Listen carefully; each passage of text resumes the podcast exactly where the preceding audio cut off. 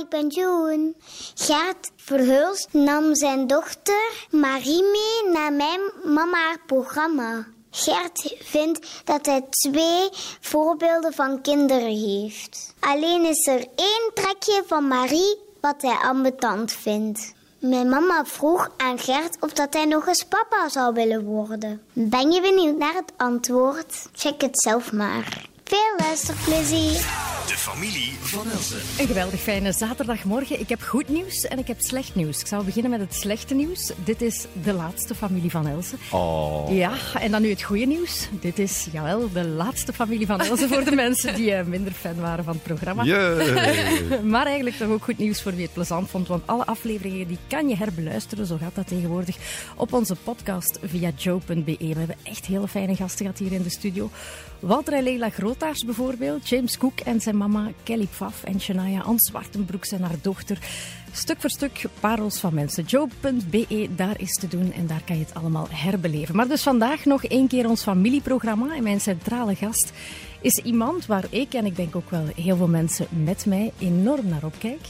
Hij heeft het eh, ganse pakketje, zoals ze zeggen. Humor, het verstand, een bankrekening om op altijd, te gaat het nog altijd over mij? Heel veel charisma en vooral de beide voeten waar ze horen stevig op de grond. Maar waar ik het meest van al nog naar opkijk, dat is de band, de fantastische band die hij heeft met zijn kinderen. De ideale gast dus om dit programma mee af te sluiten. En of je nu zapt naar één VTM of vier, mijn eh, gast is alomtegenwoordig, maar vandaag gelukkig hier. Goedemorgen en welkom Gert Ja, je maakt me Amai, verlegen. Ja, ja, ja, ja. Ik zit al eh, te blozen hier. Maar ja, het is radio, dus... eh, ja. Eerst even die rode loper uit. Ja, ja, en dan tjak, alle messen in de rug. eh, zo gaat Nee, dat is niet de Ah, bedoeling. Dat is niet de bedoeling. Ah. Gert, je bent hier niet alleen. Nee. Eh, wie heb je meegebracht van jouw heel dichte familie? Eh, ik heb mijn dochter meegebracht. Ja. Ja, ik, ging het, ik had het eigenlijk ook andersom kunnen zeggen. Hè. Marie, wie heb jij meegebracht? Ik Want heb mijn, tegenwoordig, mijn vader eh, mee. qua beroemdheid, hè, zitten jullie... Het gebeurt tegenwoordig dat we samen op eh, pad zijn en dat de mensen mij dan niet meer herkennen en mijn dochter wel. Ja, Dus, eh, de maar- nieuwe generatie die klaar staat. Ja, maar ik lig daar niet van wakker. hoor. Nee, dat dacht ik ook wel, dat je daar niet van wakker ligt. Oké, Marie, ehm, ken je het concept? In ene zin, ma maakt niet uit als het niet zo is. hè. Ik heb, er nog, ik heb nog niet geluisterd, sorry. In ene zin, zwijgen is zilver en spreken is goud. Gert, we weten al heel veel over jou, maar ik zou toch nog graag het een en ander te weten komen. Misschien wel via Marie, wie Oei, weet. ja. Ja, oké, we gaan eerst een beetje opwarmen. Dus Marie, in 30 seconden, wat voor een papa is Gert? Ehm, heel, heel lief. Ehm, we hebben nooit ruzie. Hij is nooit boos geweest op mij. Ehm, ik heb enorm veel van hem geleerd. Zonder dat hij mij dingen leerde, als je dat Mhm. begrijpt. Zonder belerend te zijn. Ja, ehm, gewoon door te kijken naar wie hij is en wat hij doet. En, en de dingen die hij doet, daar kijk ik ook gewoon enorm naar op. Ehm, we hebben dezelfde interesses in heel veel dingen. En het is gewoon heel fijn om zo'n voorbeeld te hebben, zo dichtbij. Ja. Ja, ik vraag me dat dus ook altijd nog af, hoe dat je dat doet, kinderen grootbrengen zonder daarop boos te worden. Eh, ja, dat hangt natuurlijk heel erg van die kinderen zelf af. Eh, er is nooit echt een reden geweest om boos te zijn. Nee, ja. Echt? Ja, ik ben ook niet graag boos. Dus, eh, Ja, niemand toch, denk ik. nee, maar als er dan echt een probleem was, dan probeerde ik dat op een, eh, Met een mopje. met een mopje op te lossen of zo. Eh, ja, ik heb niet graag eh, conflicten, ook niet met mijn kinderen. Dus, eh, maar het was ook nooit echt nodig. Bijvoorbeeld, ik denk dat zowel Victor als Marie een beetje die puberteit hebben overgeslagen. En als die bij Marie daar dan al zou zijn geweest, dan eh, heeft die plaatsgevonden eh, tijdens haar verblijf in... eh, in Leuven. Niet in Leuven Centraal, voor alle duidelijkheid, maar op het internaat Internaat. Ja. waar ze gezeten heeft. Dus ja, als het, als het er al is geweest, die puberteit. Hè. Voor de rest heb ik daar niks van gemerkt. Dus ja, bon. Ik heb twee, het is een beetje saai, maar voorbeeldjes van Maar kinderen. dat is niet saai. Ik wil gewoon weten hoe dat je dat doet. Voilà. Oké, Gert, nu is het uw beurt. Ja. Ehm, wat voor een dochter is Marie? Eh, Marie is een heel eh, nuchtere eh, dochter die ik heb. Heel ambitieus. Soms extreem eh, vlijtig, maar soms ook extreem lui.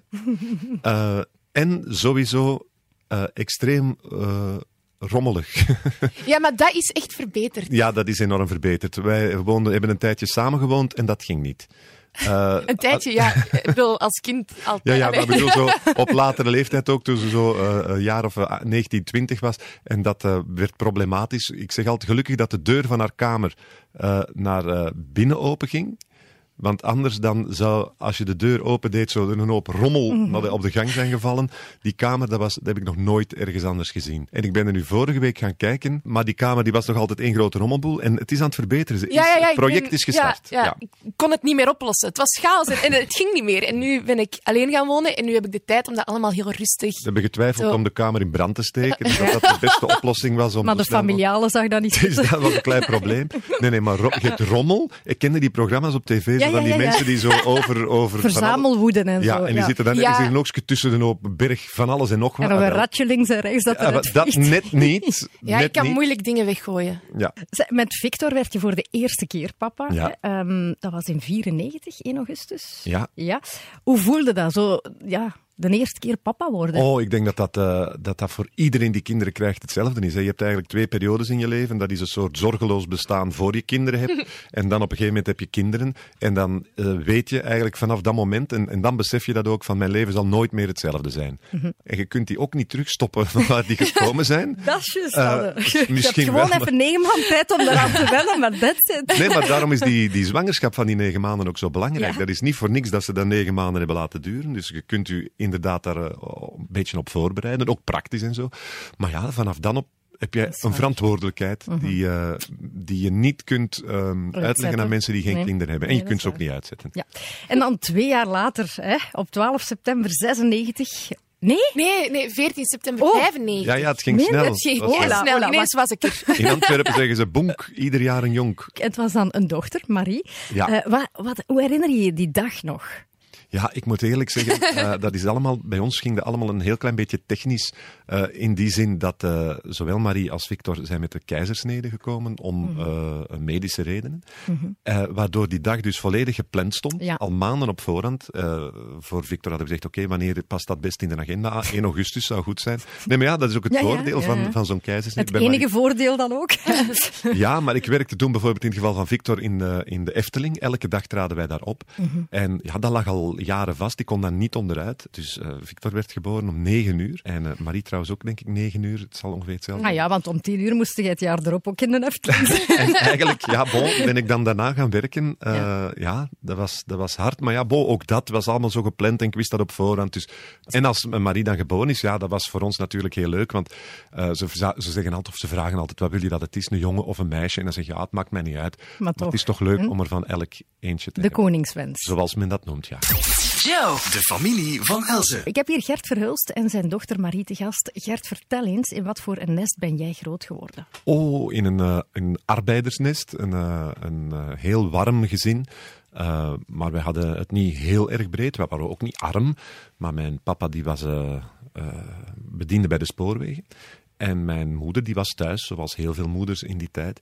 Eh, maar wij deden allemaal leuke dingen. En mijn vader ging heel veel bijklussen. Eh, dat zal wel niet helemaal eh, officieel geweest zijn, achteraf bekeken. Tot maar goed. 500 euro mag het, maar ja, goed, dat is dan toch verjaard. En daardoor konden wij heel veel extra's doen. We gingen Ja. bijvoorbeeld skiën met de familie. Dat was toch overal zo? hè? Maar ja, maar, wat, dat, wat dat absoluut normaal niet kon voor, voor wat mijn vader verdiende. En, en wij hadden ook een, een, een soort buitenverblijfje in Essen, wat eigenlijk een soort krotje was. Maar goed, voor ons was dat een prachtige villa. Dus wij deden wel heel veel. We hadden een fantastisch gezin, ja, ja, met twee eh, kinderen nog buiten mij, een broer en een zus, allebei ouder. Dus ik was de jongste van de drie. En eh, dat is altijd het beste. Hè. Dan zijn er al heel veel wegen geëffend en eh, taboes doorbroken. Dus ik had een geweldige jeugd. Voor u was de baan vrij. Voilà. Zijn er bepaalde geuren of smaken dat je zegt van, goh, dat brengt mij direct terug naar mijn kindertijd? Ja, de geur van brooddoosjes, hè, als je die opendeed. Van, van eh, dus omeletjes tussen de boterham en appelsinen. Maar ja, vroeger, Ja. dat is juist. Ja, en die, die geur ook van appelsinen en dat, oh, verschrikkelijk. Allee, verschrikkelijk. ja, en dan een beetje pipi ook waarschijnlijk. Van kindjes die dan in die, eh, in die eetzaal in hun broek gedaan hadden. Ja, mogen we niet te veel over nadenken. Zeg, Gert, jij, jij zei eigenlijk als kind al eh, dat je beroemd wilde worden. Ja. En dat je graag die aandacht had. Ja. Van waar kwam dat ergens? Is dat zo- Ik denk dat dat iets is dat aangeboren is. Dat zit in de genen. En eh, als je dat niet hebt, dan kun je dat misschien niet begrijpen. En eh, ja, bon. Er zijn veel mensen die dat hebben. Hè. Er zijn toch veel mensen die graag in de belangstelling staan. Mhm. Eh, maar waar dat vandaan komt. Want allee, ik, ik heb ook begrepen dat jouw vader de lat wel redelijk hoog legde. Oh, nu, het is te zeggen, Goh, mijn vader heeft ons nooit bestoefd of zoiets. Eh, Dat was vroeger ook niet zo. Nee, maar ja, dat was toch integraal. Wij mochten bijvoorbeeld niet... Ik had een, een zwemdiploma van 50 meter en eh, dan mochten wij niet zeggen, ik kan zwemmen. Want als vader zei, nee, nee, als je, je kunt zwemmen als je 500 meter kunt zwemmen. Ja, Marie, doet hij dat bij u ook? frustrerend. Doet hij dat bij u ook zo? Die... Mm, Nee, wij bestoeven elkaar niet veel. nee, nee. Nee, complimentjes geven, dat zit niet echt. Nee, maar ik vind dat ook beter, want als je dan een compliment krijgt, dan weet je dat het wel meer heel waard. oprecht is en ja, dat Ja. echt gemeend is. Ehm, hoe klikte het tussen jou en, en, en jouw broer en jouw zus Gert? Jij was de jongste, maar maakten, jij, maakten jullie veel ruzie onderling? Eh, ja, toch wel. Aan de ene kant, aan de andere kant ook weer niet. Omdat mijn broer is zeven jaar ouder, mijn zus drie jaar. Dus eh, dat leeftijdsverschil ja, zorgt er wel voor dat er niet echt grote conflicten zijn. Maar ja, wij maakten wel ruzie. Maar niet zoveel Hm. als Victor en Marie, want dat was extreem. Mhm, Ja, Als ik dan één negatief dingetje, dan is dat... eh, bedoel, En zelfs dan niet boos geworden, maar goed, nee, daar gaan we ja, niet boos, maar ambetant. Ja, Ja, dat ja, wel, ja, ja. ja. Ja, ja, ik kan het geloven, Gert, eh, dat er bij jullie niet echt conflicten waren. Want ja, jij als jongste, ze lieten nu ook maar een beetje doen. Hè? We gaan eens luisteren. Eh, Gert is mijn kleine broertje, dus eh, echt heel veel conflicten hebben wij niet gehad. Dat is vier jaar jonger, dus daar geen interesse in hem, om het een beetje onbeleefd te zeggen. Maar wat ik me nog heel goed herinner, is dat hij, als we een spelletje speelden, eigenlijk altijd wou winnen. Bijvoorbeeld met pingpongen. Ik was veel beter dan hem. Vier jaar ouder. Ik had al veel meer ervaring. Ik kon pingpongen. En hij lukte er toch altijd in, of meestal in, om te winnen. En dat was dan niet op techniek of op kwaliteit dat hij had om goede, een goede pingponger te zijn, maar hij, ja, hij liet mij schrikken. Hij riep op het moment dat ik moest smashen. Hij, eh, hij maakte gekke bewegingen, trok gekke gezichten, zodat ik altijd afgeleid was. Gewoon, hij, hij wou winnen. Ik denk dat hij dat iets is dat hij enorm in zich heeft. Dat herinner ik me echt uit onze jeugdtijd. Ja, dat kan ik mij dus niet meer herinneren. Natuurlijk wel dat ik won met pingpong, maar dat had echt wel vooral te maken met talent. En, eh, En niet zozeer bij al die gekke afleidingsmanoeuvres. Ik weet niet waar ze het over heeft. Ik, eh, nee, dat is een groot gat in mijn geheugen. Dat, ja. Bij deze toch even opgefrist. All the way. De familie van Elze. We duiken nog tot 12 uur in het familieleven van Gert Verhulst, samen met zijn dochter Marie. Marie, even naar jouw kindertijd nu. Hoe kijk je daarop terug?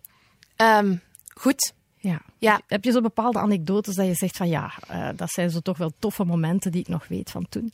Ehm, mijn vader moest heel veel werken, dat sowieso. Maar het voordeel was dat hij altijd dingen deed die ik heel interessant en leuk vond. Dus als het, als het kon, dan ging ik gewoon mee. Als in, naar repetities van ehm, musicals of naar opnames van een of andere reeks die ze aan het draaien waren. En dat zijn voor mij toch dingen die ik, die ik echt onthouden heb. Omdat dat, ja, het voordeel is dat, dat mij dat ook allemaal interesseerde. Dus dat ik, niet, dat ik nooit verveeld was als ik mee moest. En als je dan mee was, eh, kon, kon papa dan goed doorwerken? Of, eh, Ja, ik was heel braaf. Hè. Gewoon op een stoel zitten en kijken en gewoon gefascineerd wezen door wat dat iedereen aan het doen was. en is daar dat dan ook bij u beginnen broeien en bloeien? Of was dat er dan toch al? Ja, nee, ik denk het wel. Ehm, ik heb ook altijd wel veel aandacht nodig gehad, dus dat zal er ook wel eh, meespelen. Ehm, maar ja, zo... Ik heb dat vooral met tv gehad dan. Toen ik een jaar of tien was, denk ik, waren ze ehm, Spring aan het opnemen, Studio 100. En ik weet dat ik niks liever deed dan gewoon daar gewoon kijken. En dat ik toen ook al dacht, dat is wat ik ook ga doen. Ik was er ook echt van overtuigd dat dat ging gebeuren. Gert, heb jij dat altijd in haar gezien? Dat, Nee, eh, eigenlijk niet. Op zeer jonge leeftijd niet. Ze spreekt nu van een jaar of tien en dat klopt ongeveer. Eh, het is niet zo dat ze al op de tafel stond te dansen als ze twee jaar was of zo. Ik, ik had dat niet echt zien aankomen. Toch niet. Want uiteindelijk, eh, alle kinderen zijn geïnteresseerd om eens op de set van Spring rond te lopen en zo. Dus het feit dat ze dat graag deed en zo, was niet voor mij... Een aanwijzing nee, van... Nee, nee, ja, absoluut niet. nee. Nee, nee, nee, nee. nee. En heb je ooit andere dingen gezegd van ik wil later dat of dat worden? Ehm, kok. Ah ja. Ja, Ja, ehm, dat had ik ook eh, goed gevonden. Ja, gelijk Misschien nog beter. Ja, natuurlijk. Ja. Ja, toen werd ik vegetariër en toen dacht ik, ah, dan moet ik altijd zo dierendingen maken en laat maar. Ja, oké. Zeg, Heb je ooit gewenst dat jouw papa niet bekend was? Goh, niet heel extreem. Ehm, Ik hoor toch een beetje soms af en toe. ja, er is zo'n periode geweest dat zo dat wel intens was dat hij dan bekend was en dat wij, als wij ehm, naar de winkel gingen voor eten te kopen en zo, dat mensen volgden. En dan, dan kon ik zo, maar dat was dan echt een fractie van een seconde. Ik dacht, oh, moet dat... Here we go again. Ja. Maar voor de rest heeft het eigenlijk vooral... Ja, ik heb het ook nooit anders geweten natuurlijk, dus ik zou niet weten hoe het is om om een onbekende vader te hebben. Mhm. Ehm, maar het is zeker niet dat ik vol negatieve gedachten daaraan terugdenk of zo. zeker niet. Eh, jullie mama bleef thuis om voor jullie te zorgen. En ik heb zo eens gelezen, Gert, ehm, van elk kind heeft een moeder aan de haard nodig. Maar dat was waarschijnlijk veel genuanceerder Ja, ja, gezegd ja, ja, dan dat dat eruit is gekomen. Dus ja. wat, bedoelt je, wat bedoel je daarmee? Nee, heeft iemand aan de haard nodig. Dus Of moeder nodig- of vader? Ja, bon. Ik denk dat het altijd Een beter is als, je? als een kind thuis komt van school, en ik weet dat dat voor heel veel mensen niet evident is, maar dat het altijd beter is als er een van de ouders thuis is om dat kind op te vangen en daar iets, mee, iets zinvol mee Mhm. te doen.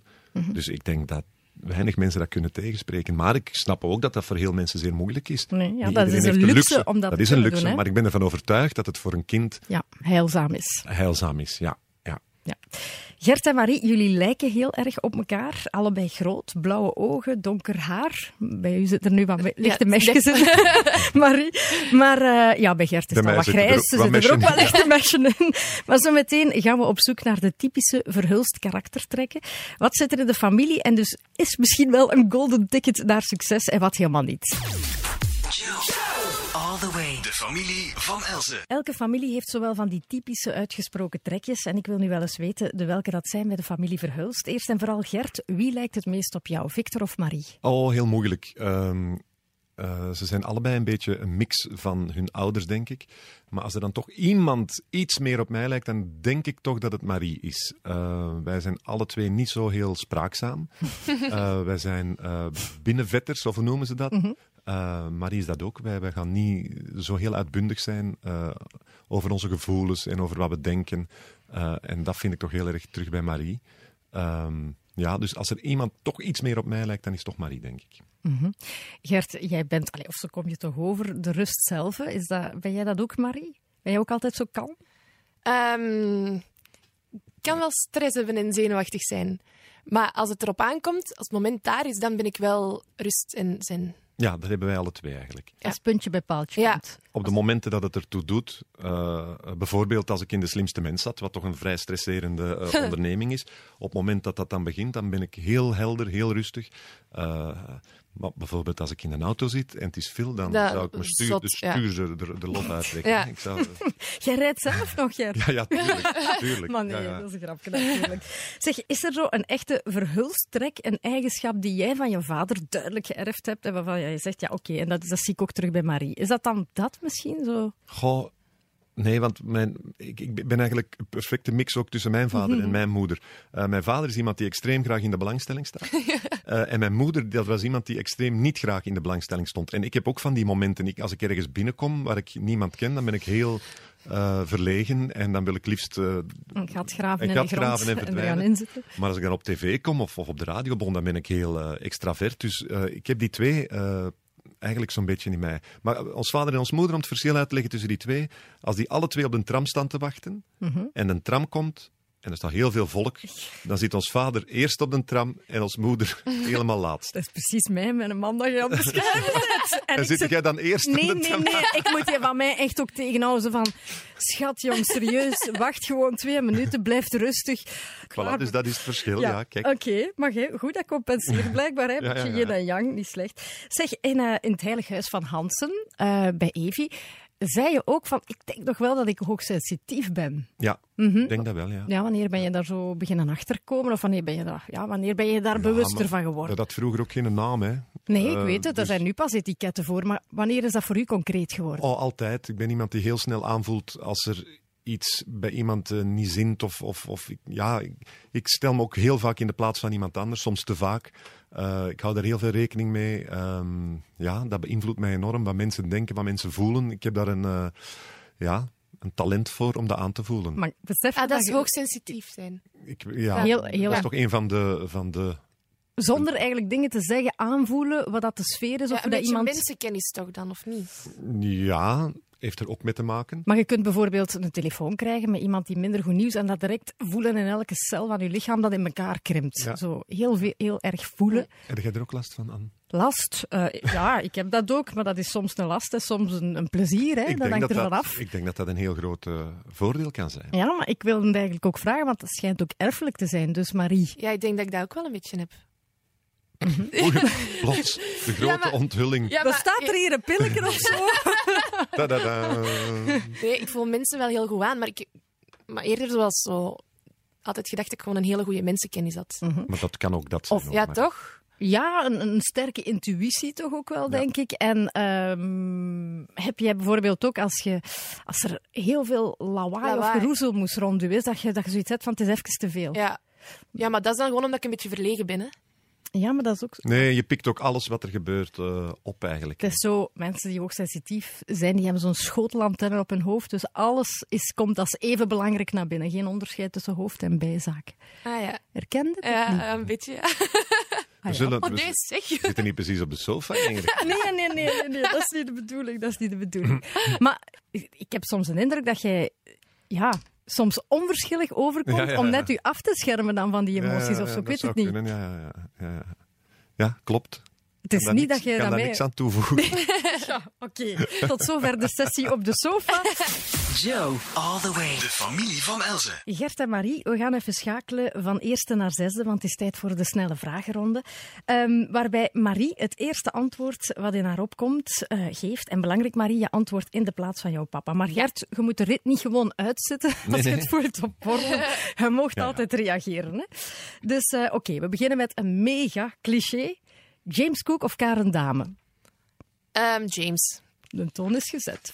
Oké, een pintje of een witte martini met olijfje? pintje. Oh, hoe, hoe ga je dan? Ja. In pint.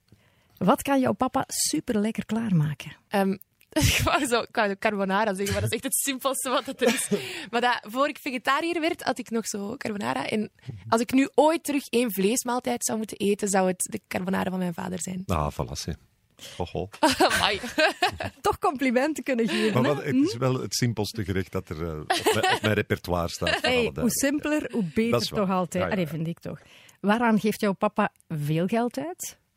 Ehm, hij gaat wel graag eten, dus ik denk daaraan. Mhm. En waaraan kan hij geen geld uitgeven? Zo belachelijke dingen. Dat van dat eh, geld uitgeven aan eten, dat is inderdaad waar. Dat is, eh, als ik dat optel op een jaar, dat is... eh, dat wil ik niet weten. En dat belandt dan nadien ook hè, in het wc. Ah, sorry. Maar je hebt wel de onvergetelijke ervaring En gehad, ook, natuurlijk. en ook voor een stuk ja, belandt dat aan uw buik Ik natuurlijk. dat je dacht, Ja, ik ja, dacht dat belandt dan aan mijn buik. Nee, nee, Elk nee, nee. pontje gaat door het mondje, dacht ik. Maar eh, goed, het eh, ging nog een stapje verder. Nee, dat is waar. Maar ik kan daar ongelooflijk van genieten. Mhm. En waar kan ik geen geld aan... Ah ja, bijvoorbeeld, eh, ik heb verschillende kennissen en vrienden die bijvoorbeeld graag al eens naar het casino gaan. Ah, ja. Een gokje, Ah, een gokje stomme dingen. Wat is het liefste, Marie, dat jouw papa ooit tegen jou gezegd heeft? Gewoon, ik ben trots op u. Dat is, ik vind dat zo'n belangrijke, omdat dat dan zo weinig gezegd wordt. Als het dan gezegd wordt, dan komt dat des te harder binnen. En wanneer heeft hij dat nog het laatst gezegd? Ehm, Na de box. na de box. Ja, Ah, ja, ja, ja, tuurlijk, ja. Chapeau, hè. ja. Natalia, even naar huis kloppen, zeg. ja. verrassing. Ja, maar ja. Ik zie ook de angst nu in jouw ogen, hè, Els. Eh, Els. zeg ik nu, zeg. Els. Ja, maar dat is normaal. Ik reageer op beide, Anne en Els. Ja, dat maar van mijn Els en- achternaam ja, dat. Ja, maar ik dat- weet ja, dat. ja, Ik ben dat al van kleins af aan gewoon. Allee, Geen het is niks. Els. Waarvoor mag je Gerda altijd wakker maken? Oh, ik doe dat niet. Eh, maar dan voor koffie waarschijnlijk, s ochtends. Ja. Dat is toch, heeft een koffiezetapparaat naast zijn bed. Echt? Maar Gert? Dat is het eerste wat ik doe als ik wakker Ja. word. Koffie drinken. En dan de tv aanzetten en dan kijk ik naar winterbeelden. Ken je dat? Ja, dat ken ik. Ja, en dan zeg ik, oh, Verkeerde dat- post, hè, Gert? Dan zeg ik, oh, er ligt nog sneeuw in Flachau. En dan oh, naar dokter Phil. En dan, dat gebeurt, dat dokter Phil dan voorbij komt. Met een koffietje. Mhm. de ideale manier om wakker te worden. Oké. Voor welk familiemoment moet alles in zijn agenda wijken? Ja, kerst, hè. Kerst wel, hè. Dat is toch een ene die we toch altijd samen doen. Ja, maar ja, moet dat op kerst? Ja, liefst wel. Met Pasen is dat een beetje belachelijk. Ja, nee, een maar of dat nu... Ja, we hebben onze boom Morgen juist gezet. we hebben hem De ballen hangen erin. Nee, nee maar dat is, is dat voor jou wel dat je zegt, Gert, van oké, mijn kerstavond Nee, kerst. of... Nee, nee, nee, nee. Wanneer dat, Wanneer maakt niet echt uit. 23e, Ja. 24 of 5, dat maakt me niet uit. Maar dat moment is wel belangrijk. En die cadeaus en, en samen zijn, ja. ja. Goed, dat is misschien een beetje een rare vraag, maar jij kunt er al wel tegen, hè, denk ik, Marie. Wat is zijn favoriete one-night stand? nu zie ik angst in jouw ogen. Maar daar heb ik echt geen idee van. Allee, Gert, dan vraag ik het aan u. Dat is Ja. misschien ook. Dat vind ik echt een het saaiste, Internationaal het best, hè. saaiste eh, antwoord ever. Ik, ik heb dat Maar. Nee. Tja. Hadden jij zo niemand dat zei van... Ik heb, al, ik heb ah, altijd een boon gehad voor eh, Jennifer eh, Aniston. Aniston, Ja. ja, ja, ja. dat, ja, ja. Maar ja, ook niet eh, hopeloos of zo. Nee. Ik zou er geen moeite voor gedaan hebben. Nee. Maar stel nu dat zij echt Zou willen, dan heel zou veel moeite hè? doen. Maar dat is ook voorbij op een of andere manier. Normaal vraag ik hier ook altijd om aan te vullen als jouw papa de Euro Millions wint, dan koopt hij. Maar die vraag gaan we nu skippen. Want jij hebt alles wat je wil, hè, Gert. Laat het Eh, zo ja, maar ik heb altijd alles gehad wat ik wou. Ja, voilà. Ik, ik heb heel sterk het gevoel dat mijn wensen eh, zich aanpassen aan mijn mogelijkheden. En anders heb je een heel ongelukkig leven. Hè? Dat is waar. Want voor elke portemonnee is er wel iets wat onbereikbaar is. Hoe klikt het tussen jouw papa en zijn schoondochter Marten? Goed, dat is kei oké. Is altijd, dat is altijd super gezellig als wij, wij doen zo af en toe al met z'n allen dingen samen en dat is altijd heel gezellig en leuk. Ja, we denken er niet te veel over na. Mm, dat, dat, nee. dat gebeurt heel natuurlijk. En eh, ja, als Martke bij ons is thuis, dan, dan is dat de schoondochter. Maar als die in Schellen of als ik even mee voor de K3-show zit, dan is dat Marten van K3. Zo, Mhm. zo simpel is dat. Gertje, wie wordt de man van Marie? Of de vrouw? Of de... Ja, dat weet ik natuurlijk Nee, niet. natuurlijk hè. weet je Nee. dat niet. Maar je hebt toch wel een, een, een idee over... Ga ja, ik hoop toch wel... Ja, maar ik heb niks te hopen. Ik heb niks te hopen. Ik denk soms wel, met wat gaat hij nu naar huis komen? Eh, dus, maar ik heb er totaal geen idee van wat het zal zijn. En ik heb ook geleerd in mijn eigen leven dat het als ouders heel eh, dom is Om je daarin te om daarin te moeien. Mhm. En zeker als er met iemand thuis komt waarvan ik denk, "Huh," ja, dan moet ik dat zeker niet laten blijken. En in tegendeel, dan moet ik die jonge man of jonge vrouw verwelkomen met alle egaars en zeggen dat ik er heel blij mee ben. En dan stilletjes hopen dat het snel gedaan zal zijn. Marie, ik heb gelezen van jou dat, dat je kijkt heel erg op naar je papa. Ja. Hè? Dat wordt moeilijk om natuurlijk iemand te vinden waar dat je even hard naar kan opkijken. Goh, ehm, het zal sowieso een man zijn, dat kan ik al vertellen. Ja. Nee. Ehm, ja, mensen vragen mij dat de laatste tijd om de een of andere reden echt heel vaak. Van, hoe zit het? En heb je nog geen vriend? Ehm, maar ik, ik zoek niet. Ik wil niet zoeken. Dat, ik, vind dat zo, ik vind dat een beetje belachelijk als je echt begint te zoeken naar liefde.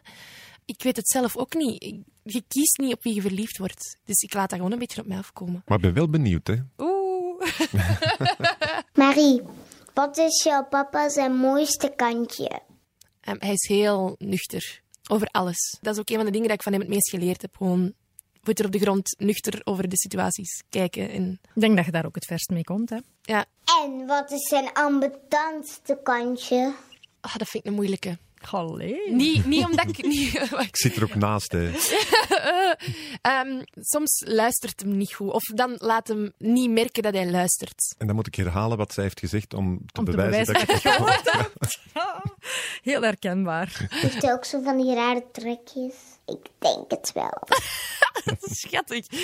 Ehm, rare trekjes. Ja, maar Ehm, iedereen... nee. Allee, dat is ook zoiets typisch voor mensen in de media. Zo een of ander neuroseke toch. Hè? ja, nee, soms zo ineens, het- als hij zo wat aandacht tekort heeft, ineens uit het niks beginnen dansen of zo. Ah. Ik ben een fantastische danser.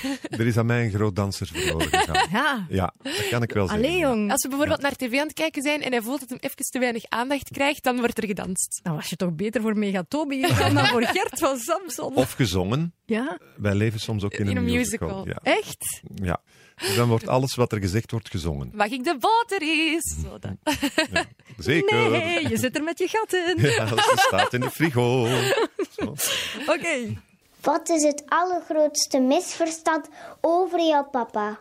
Dat hij arrogant is of zo. We hebben het besproken. Hij kijkt soms een beetje boos of hij komt zo over, maar dat is absoluut niet het geval. Dat is iets wat mijn zoon wel heel erg eh, heeft geërfd. Die Ja. kan, kan soms heel arrogant overkomen, terwijl hij dat helemaal niet is. Het- Soms is dat een soort van eh, verlegenheid die hij probeert weg te steken. Eh, dus we werken eraan. ik zeg tegen hem, ik zeg, Fiek, je moet een beetje meer lachen naar de mensen. En een beetje, ik zeg, want ze gaan denken dat je heel arrogant bent. Oh, maar ja, ja, ja. Ja, Mhm. dat is een beetje aangeboren bij ons. Zit een beetje in de familie. Google jij soms je, jezelf of je papa? Ik heb mezelf waarschijnlijk al wel eens gegoogeld, maar gewoon om zo te weten wat dat er dan juist op staat. Maar dat is ah niet ja, maar dat is Ja, ja, sowieso zo- de reden. Hè, ja. Zo als er ehm, de Ghost Rockers film bijvoorbeeld uitkomt, of als we op tour gaan. Dus ik... En mijn vader googelde niet echt. Ik kijk wel heel veel op Twitter. Zo de hashtag Gert Verhulst. Ik hou wel alles bij wat dat er verschijnt. En wat vind je het ergst? Kritiek op jezelf of kritiek op je vader? Kritiek op mezelf interesseert me echt niet. Ehm, dat doet mij niks. Maar als er zoiets negatief over mijn vader of over Victor geschreven wordt, dan, eh, dan wil ik echt die mensen gaan opzoeken thuis en eens vragen, wat is uw probleem? Ik doe dat niet, hè, maar dat is wel wat in mij opkomt dan op dat moment. Marie, welke goede raad krijg je van je papa? Ehm, ik vind zo goed als altijd alles wat hij, wat hij zegt waar. Oh, ik hoop zo hard dat mijn dochter dat ook gaat. Oh, ik zit hier echt van, dat? Nee, het, is, het gebeurt echt zelden dat ik niet denk, hij heeft gelijk. Ik weet Ik, wat ik denk zelfs dat dat nog nooit echt is voorgevallen. Oké. Marie, vond je het leuk dat je papa met Karen was van K3? Karen is mama van K3, oh my god! Hoppa! Oké. Oh, die dochter van u, Maar- dat ze... Ja, dat is peper. Zalig, ik, heb, ik heb die niet in de hand. Nee. Ja, Ik zo dat was, ik, zo was ik niet. Hoe oud was jij toen eh, jouw papa en mama uit elkaar gingen? Ehm, zes of zeven, denk ik. En ik heb daar niet per se heel slechte herinneringen aan. Ik vond dat vooral moeilijk om te begrijpen waarom zijn mijn mama en papa niet meer verliefd. Maar ik heb niet zo daar trauma's aan overgehouden of zo, zoals dat sommige mensen misschien wel. En heb je nog veel herinneringen aan de tijd dat ze wel nog samen waren? Ehm, ja, ze zijn langer uiteen in mijn leven dan dat ze bijeen geweest zijn. Dus eigenlijk weinig. En meestal is dat dan waarschijnlijk voor u ook nu een rare gedachte. Ja, ja, want mijn moeder die heeft een bed and breakfast met dieren, met zo schapen en ezels en zo. En als ik mij dat voorstel, dat mijn vader die 's ochtends zo moet gaan eten geven, dat zou super bizar zijn. Hij heeft toch ook een hond altijd gehad, hè? Ja, maar dat is een hondje die kan praten, dat is, dat is iets anders. Ja. Maar dus, je hebt daar op zich niet echt zo iets allee, aan overgehouden, om het zo te zeggen, van, ha, dat was wel minder leuk. Want uiteindelijk, dat werd dan ook wel geschreven in de pers, hè? Ja, maar ik denk dat ik net, nog net jong genoeg was om dat niet allemaal zo hard mee te krijgen. Ehm, ik denk dat ik daar geluk mee gehad had. Als ik zo een jaar of tien was geweest, was dat een andere situatie geweest, denk ik. Ehm, maar ze hebben het ook altijd heel goed aangepakt en daar wel altijd heel duidelijk over geweest, mijn ouders.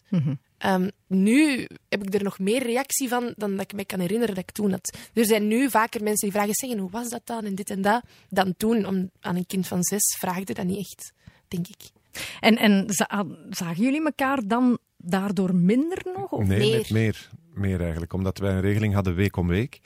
En eh, de week dat ze bij jou waren? Dan Ja, was hij er altijd. ja, dan maakte ik daar eigenlijk een beetje een erezaak van om, eh, om er ook te zijn. Wat soms heel, heel stresserende momenten met zich meebracht. Maar goed, bon, dat was voor mij eh, zeer belangrijk. Ja. En als jij nu zelf terugdenkt eh, aan die scheiding, Gert, heb je dan zoiets van, dat blijft toch wel iets dat, dat je mijn been bijt, zo van verdorie. Dat is iets, dat is toch een soort mislukking in je leven. Eh, ik weet niet of jij dat ook zo ervaart. Ja, Eh, absoluut. Dat, dat, los van het feit hoe gelukkig dat je vandaag bent, Voilà, is dat dus- iets dat dus u mee blijft Dat volgen. is hè? zo, dat is zo. Dat is een soort litteken dat je meedraagt, dat wel in de loop der jaren een beetje verdwijnt, maar dat zal nooit helemaal weggaan. Maar bon, ja, het leven gaat verder en je probeert er altijd het eh, beste van te maken. Hè. Dus eh, je En- kiest ook niet altijd voor wat er gebeurt. Voor een stuk wel, maar voor een stuk ook niet. Ja, en ik zie vooral ook dat, dat, dat, dat jullie ook, ja, als je zegt van die week-week-regeling en die week dat ze er waren, dan was dat een erezaak voor mij. Dan is dat eigenlijk wel ergens. Ja, maar eh, bon, het was voor hen beter geweest als, we, als het allemaal niet was gebeurd. Daar moeten we ook eh realistisch We gaan het niet verheerlijken, En eerlijk in zijn, hè, tuurlijk. Intussen leven jullie als een soort van samengesteld gezin. Hoe vlot dat dan allemaal? Ehm, heel goed. Ehm, mijn mama heeft een nieuwe vriend. En daar gaat het heel, heb ik een goede band mee. En ehm, met Ellen, de vriendin van mijn vader, heb ik ook een hele goede band. Ja, dat is eigenlijk is dat allemaal heel vlot en zo gegaan. Ja, Nee, dat is, gelukkig. ja, dat zal wel zijn. Gert, en ik weet niet of dat ik die vraag mag stellen Je eigenlijk mag of niet. alle vragen stellen. ja, maar, het- of dat je gaat antwoorden. Ah, dat is iets anders natuurlijk, ja. Heb jij ooit een kindje overwogen met Ellen? Eh, ja, wij hebben het, eh, het er wel eens over gehad. Maar bij Ellen leeft die kinderwens niet zo eh, heel erg. Ik vind dat vooral een beslissing die van haar zal afhangen. Als zij ooit absoluut nog een kind wil, dan vind ik dat ik niet de man mag zijn die haar dat ontzegt. Ehm, want ik heb twee kinderen en zij heeft geen kinderen, dus ik heb dat allemaal meegemaakt. En bon, wat dat betreft zou je kunnen zeggen, is mijn leven compleet. Voor haar niet, maar zij ervaart dat zo niet, heb ik het gevoel op dit moment. Maar eh, ja, wij praten er uiteraard over. Ja. Dus dat kan nog komen. Alles kan nog komen. Ja, maar nee, maar ja. Ja, ik kunt- weet dat niet. Ja, ik hoop dat dat dan nog eventueel zou kunnen komen. Ja, dat Dat ik daar nog toe in staat ben. eh, Allee. ja. Weer een nieuwe fan voor Boomba. Nee, nee, maar eh, het, het is niet dat het een concreet plan is of Nee, zoiets. nee, nee. Oké, maar je sluit het niet uit ook. Nooit, hè. nee. Nee. Marie, we kennen jou natuurlijk ook van Ghost Rockers. En je zei het daar straks zelf al. eh, toen die serie begon in 2014, dan kreeg je zo wat kritiek van ja, dat is dankzij haar papa. Maar je hebt er eigenlijk ook hard voor geknokt, hè? Je had ook auditie gedaan Ja, ik heb- om in het koor en voor in ballet. En dat, dan, dan was het gewoon van ja, nee. Ah jawel, want ik zat wel in het koor. Sorry. Oh, maar ik dacht dat je twee keer eh, zo... Eh, ik had auditie gedaan voor een, een ander programma van Studio 100 daarvoor. En daar was ik het niet geworden. En dan hebben ze mij op basis van die auditie gevraagd voor, eh voor Ghost Rockers auditie te komen doen. En dan heb ik daar ook gewoon de drie rondes ehm, ook gewoon allemaal moeten meedoen. En dan het toch geworden. En heb je dan nu soms het gevoel van, ja, als je daar met jouw collega's tussen hakjes, dat die zo naar jou toe anders doen, omdat je de dochter nooit. bent van? Nee. Nooit, nooit, nooit. Nee. Nee, ehm, dat is ook nooit een probleem of een vraag geweest. Dat was gewoon, dat is de dochter van Gert. Ah, oké. Gert, wat Ja. is het grote talent van jouw dochter? Ja, dat is een goede vraag. Maar.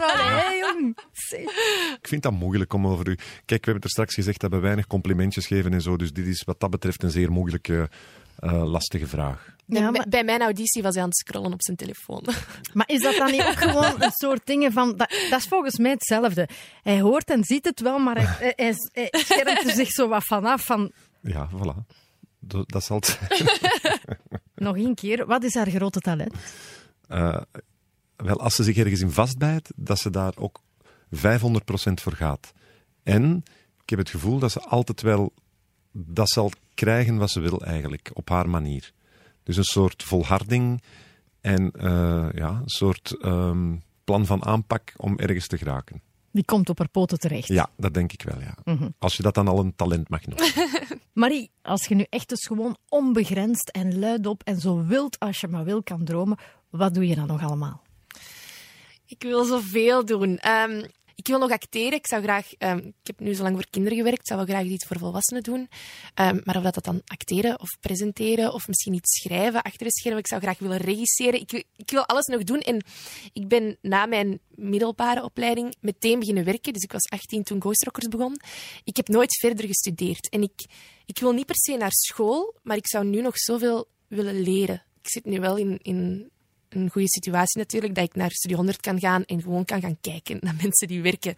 En dat is de beste leer. Ja, wat mij gewoon Ja. enorm Er zijn nog mensen die werken bij ons, hè, gehoord het. Maar allemaal harde allemaal werkers. heel hard. Ja, ja.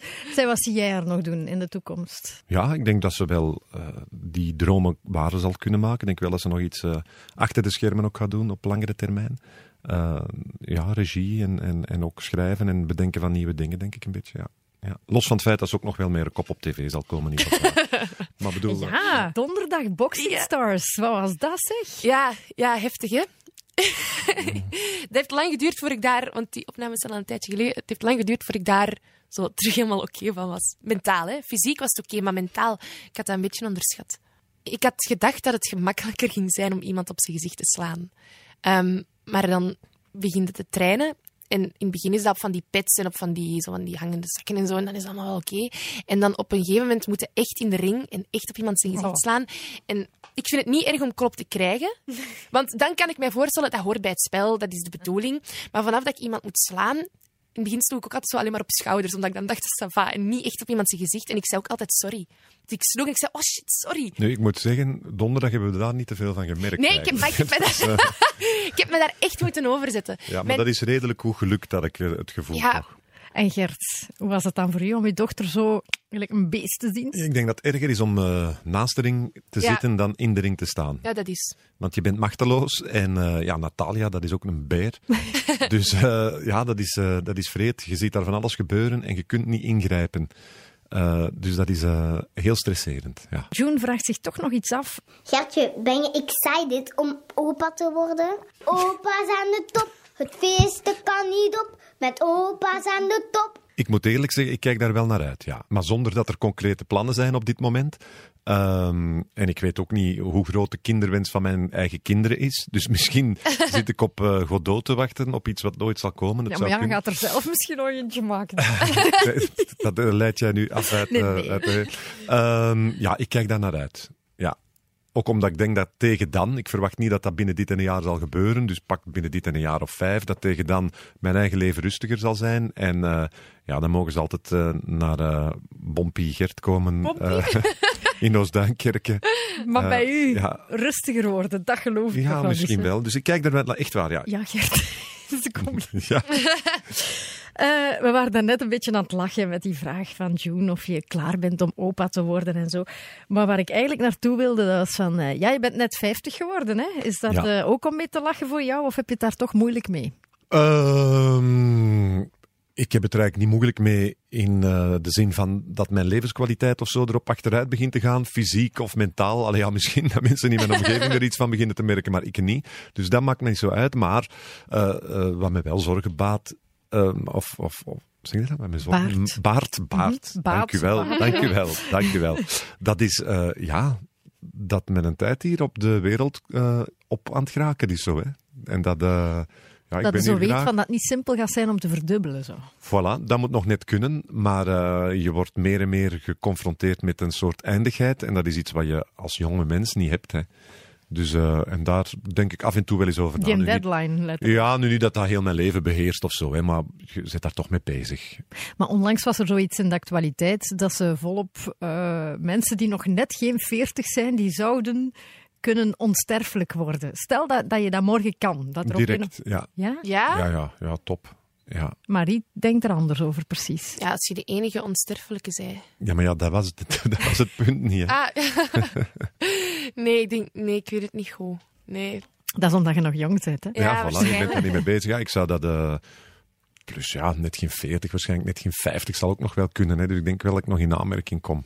Ik denk ook, maar dat is dan zoiets helemaal anders. Stel dat ik nu een tattoo zou zetten. Als je nu een tattoo wilt laten wegdoen, is dat zo'n heel gedoe. Want, eh, maar als ik binnen 50 jaar spijt heb van mijn tattoo, dan is dat woep en dat is weg. En ik denk dat dat ook, ook zo is. een heel belangrijk maatschappelijk probleem, ja, uh, Marie. Ja, nee, maar zo... Die tattoos? Of nee, nee, dat... De maar tattoos. zo... Dat dat dingen zijn waar ik mij geen zorgen over maak, omdat, omdat ik waarschijnlijk toch nooit dood ga, inderdaad. Allee, goed Als ik die keuze heb. Ja. Maar als ik het dus goed begrijp, zijn wij de laatste generatie stervenden eigenlijk. Allee, wij, ik dus. Ja, ja allee, zo stond het in de krant, sorry. Ja, maar je moet niet alles geloven als in de gazet. Nee, nee, geef dan een keer een duwtje in de rug, hè, dat er ook nog bij zit. Um, maar stel nu het omgekeerde. Hè, de dokter, je gaat bij de dokter voor een of andere controle en die zegt nadien, verhulst, slecht nieuws. Hypothetisch, je hebt nog 24 uur te gaan op deze Oei, dat bol. is, dat is heel extreem. Heel kort, hè? Heel kort. Wat doe je dan en met wie? Eten, denk ik. wist ik, wist dat graag. Eten met de mensen uh, die dicht bij mij staan. Uh, en dat zijn er niet zo heel veel. Uh, maar vooral eten. En waarschijnlijk ook heel veel drinken. Ja. En wat zou het laatste zijn? De laatste woorden tegen Marie. Ja, dat is waar, maar even zo gewoon. Doe dat nog, doe dat nog goed zonder mij. Ja, ja niet, te, niet te dramatisch allemaal zo. Ook dan met de voeten op de grond. Voilà. Maar wel niet meer zo nuchter dan wat dat een drama Nee, nee, poepeloeren, poepeloeren, kan ik u garanderen. Ja. Gert, we hadden daar straks al even jouw zus Veerle gehoord. Ja. Hè? Dat ging dan over de kindertijd en over hoe dat jij uh, altijd uh, de wedstrijdjes pingpong vervalsten, heb ik, ja, ik het goed begrijp. Ja, dat, je, dat, dat je zorgde dat je dat wel op manieren flikte. Ben je zo ook aan jouw diploma's gegaan? Ja, absoluut. Al mijn diploma's, ja, die, daar heb ik wel wat... Ik heb niet zoveel diploma's uh, nee. aan. Nee, nee, dus uh, zoveel moeite heb nee, ik maar ik bedoel, maar was dat op school ook zo? Dat je nee, zo... Nee, nee, nee. Uh... Nee, nee, nee. Oh, ik zou dat niet gedurfd hebben. Ik was heel bang en heel plichtsbewust. Mm -hmm. Maar um, Veren heeft ook nog iets te zeggen over nu dan oh. meer. Ja. Het is een cliché natuurlijk om te zeggen dat je fier bent omdat hij uh, Studio 100 uit de grond heeft gestampt, hè, uit het niets. Een, uh, zo'n productiehuis uh, ja, creëren, dat is, dat is immens. Um, maar ik vind het een beetje cliché, dus als ik wat dieper nadenk, en het blijft misschien ook een beetje cliché, maar dan ben ik nog vooral trots op het feit dat hij Nederlandstalige liedjes gemaakt heeft voor kinderen. Sinds de tijd van Samson en Gert heb je gewoon hele, hele mooie nummers in mooi Nederlands die kinderen kunnen leren. En, en ik denk dat dat echt, ik geloof in het een beetje het pedagogische project van Studio 100 om uh, kinderen te leren muziek maken, kinderen te leren zingen uit volle borst. Ik, was, uh, ik had het geluk om mee aanwezig te zijn in het sportparadijs, hè, toen uh, een soort reunie was met Samson en Gert. Het sportpaleis zat vol, vol, vol met twintigers, dertigers die uit volle borst al die liedjes van A tot Z konden meezingen. Ik denk dat het een enorme meerwaarde is voor, uh, ja, voor kinderen en voor België, voor Vlaanderen, voor, voor Nederlands. En het is ook altijd in het mooi Nederlands dat er gezongen wordt en ook gespeeld wordt. Dus daar ben ik eigenlijk echt gewoon trots op. Een trotse zus. Ja, ja maar ik vind, ik ben daar zelf ook trots op eigenlijk. Omdat ik weet, toen wij kind waren, moesten wij het vooral doen met het uh, repertoire van Kinderen voor Kinderen, wat dan uit Nederland kwam. Um, en ik zeg niet dat er niks goed was voor kinderen in Vlaanderen, maar dat was toch zeer beperkt. En ik denk toch dat we daar met Studio 100 en met K3 en, en, en alle andere projecten toch iets hebben betekend voor, voor het, uh, het Nederlands bij onze eigen kinderen. Ja, ik denk dat wel. Ja. Ik ben daar, ben daar echt uh, oprecht fier op. Als ik heel die cataloog zie van liedjes en programma's, dan uh, ja, denk ik toch dat we iets goed hebben gedaan. Ja. Maar ja, bon, niet iedereen zal het daarmee eens zijn. Maar ja, maar en niet alleen kinderen, want er komen wel af en toe mensen naar mij toe en die, die zeggen, uw vader heeft mij Nederlands leren spreken. En dat vind ik dan, denk ik, amai, is wel cool. Ja, dat, dat, gebeurt, dat gebeurt ook. Dan ja. zeg ik altijd al hoe dat je het van mij geleerd en niet van Samson. maar jouw zus die spreekt ook heel mooi Nederlands, hè? Wat ja, is... maar die komt natuurlijk niet zo vaak op de radio. Dus als ja, maar dan nog. Mijn bomma komt ook niet vaak op de radio en die, die spreekt dan ook volgens haar mooi Nederlands, maar dat klinkt toch anders? Ja, prachtig, hè? Ja. Ze, Wat doet zij in het leven misschien? Uh, zij werkt bij Vespa. Niet bij de Brommerkes, maar in, uh, in Antwerpen is dat uh, de maatschappij die het patrimonium van de stad beheert en, en, en zo. Ja, ah ja dus, dat is een saaie job. Ja, Allee, klinkt het toch. Ja. Nee, nee, maar ik dacht dat ze misschien leerkracht was of zo. Nee, nee, nee, nee, nee, nee, nee, nee, nee, Zo mooi klinkt, maar goed. Maar ik heb nog samen met haar toneel gespeeld, hoor. dus ze heeft eh, ook wel zo wat dingetjes gedaan vroeger. Hm. En zien jullie elkaar allemaal nog veel? Weinig. Weinig, moet ik eerlijk zeggen. Het heeft er ook mee te maken dat ik aan zee woon natuurlijk. Dus afstand is wel, ja, toch wat dat betreft een hinderpaal. Maar verjaardag van mijn vader, kerst, de grote belangrijke familiemomenten doen we wel samen. Voilà, Gert en Marie, dat was het. En uh, wie de voorbije twee uur gemist heeft, ik zet het graag nog even op een rij. Gert, uh, jij bent een zeer tevreden papa. Ja. Nooit boos eigenlijk. Je hebt Zelf. dan ook twee voorbeeldjes van kinderen natuurlijk. dus dat is, uh, ja. We hebben ook geleerd dat je lichtjes verslaafd bent aan koffie. Je slaapt zelfs ook naast een koffiezetapparaat en hopelijk ook naast Ellen. Hè? Uh, ja, ja, ja. Dan neem ik toch aan. Ja, ja. Marie lijkt van jouw twee kinderen het meest op jou. Uh, en ze is net als jou niet zo spraakzaam. Gelukkig hebben we daar nu de afgelopen twee uur niet zoveel van gemerkt. Als we dan één negatief kantje mogen zeggen, Marie, dan uh, ben je, of had jij vroeger toch een heel geweldig rommelige kamer? Het verleden. Het verleden, inderdaad. En Gert heeft dan ook even getwijfeld om die kamer al dan niet in brand te steken. Maar goed, ja. hij kijkt er aan de andere kant ook al naar uit om Bompie Gert te worden. Ja, voilà. absoluut. goed, uh, super bedankt dat jullie tijd hebben gemaakt voor ons. Hoe, hoe was het voor jullie? Uh, goed, vooral de koffie was uh, overheerlijk. Amai. Ja. Oh, allee, dankjewel. Ja. Toch goed dat er goede koffie was dan. Ja, hè? Dat heeft heel veel goed gemaakt. Ja. Oh, maar was plezant om dan een keer twee te absoluut, doen. Absoluut, ja. ja. Oké, okay, dat is fijn om te horen. Binnenkort keert Evie Hansen terug van bij haar thuis met het Heilighuis van Hansen. Een vrolijke paas vast voor iedereen. Jullie vier kerst, hè, nu? Ja, wij gaan uh, nu cadeautjes onder de boom leggen. Ja. En wat mij betreft tot op paasmaandag samen met Born. Geniet nog van deze zaterdag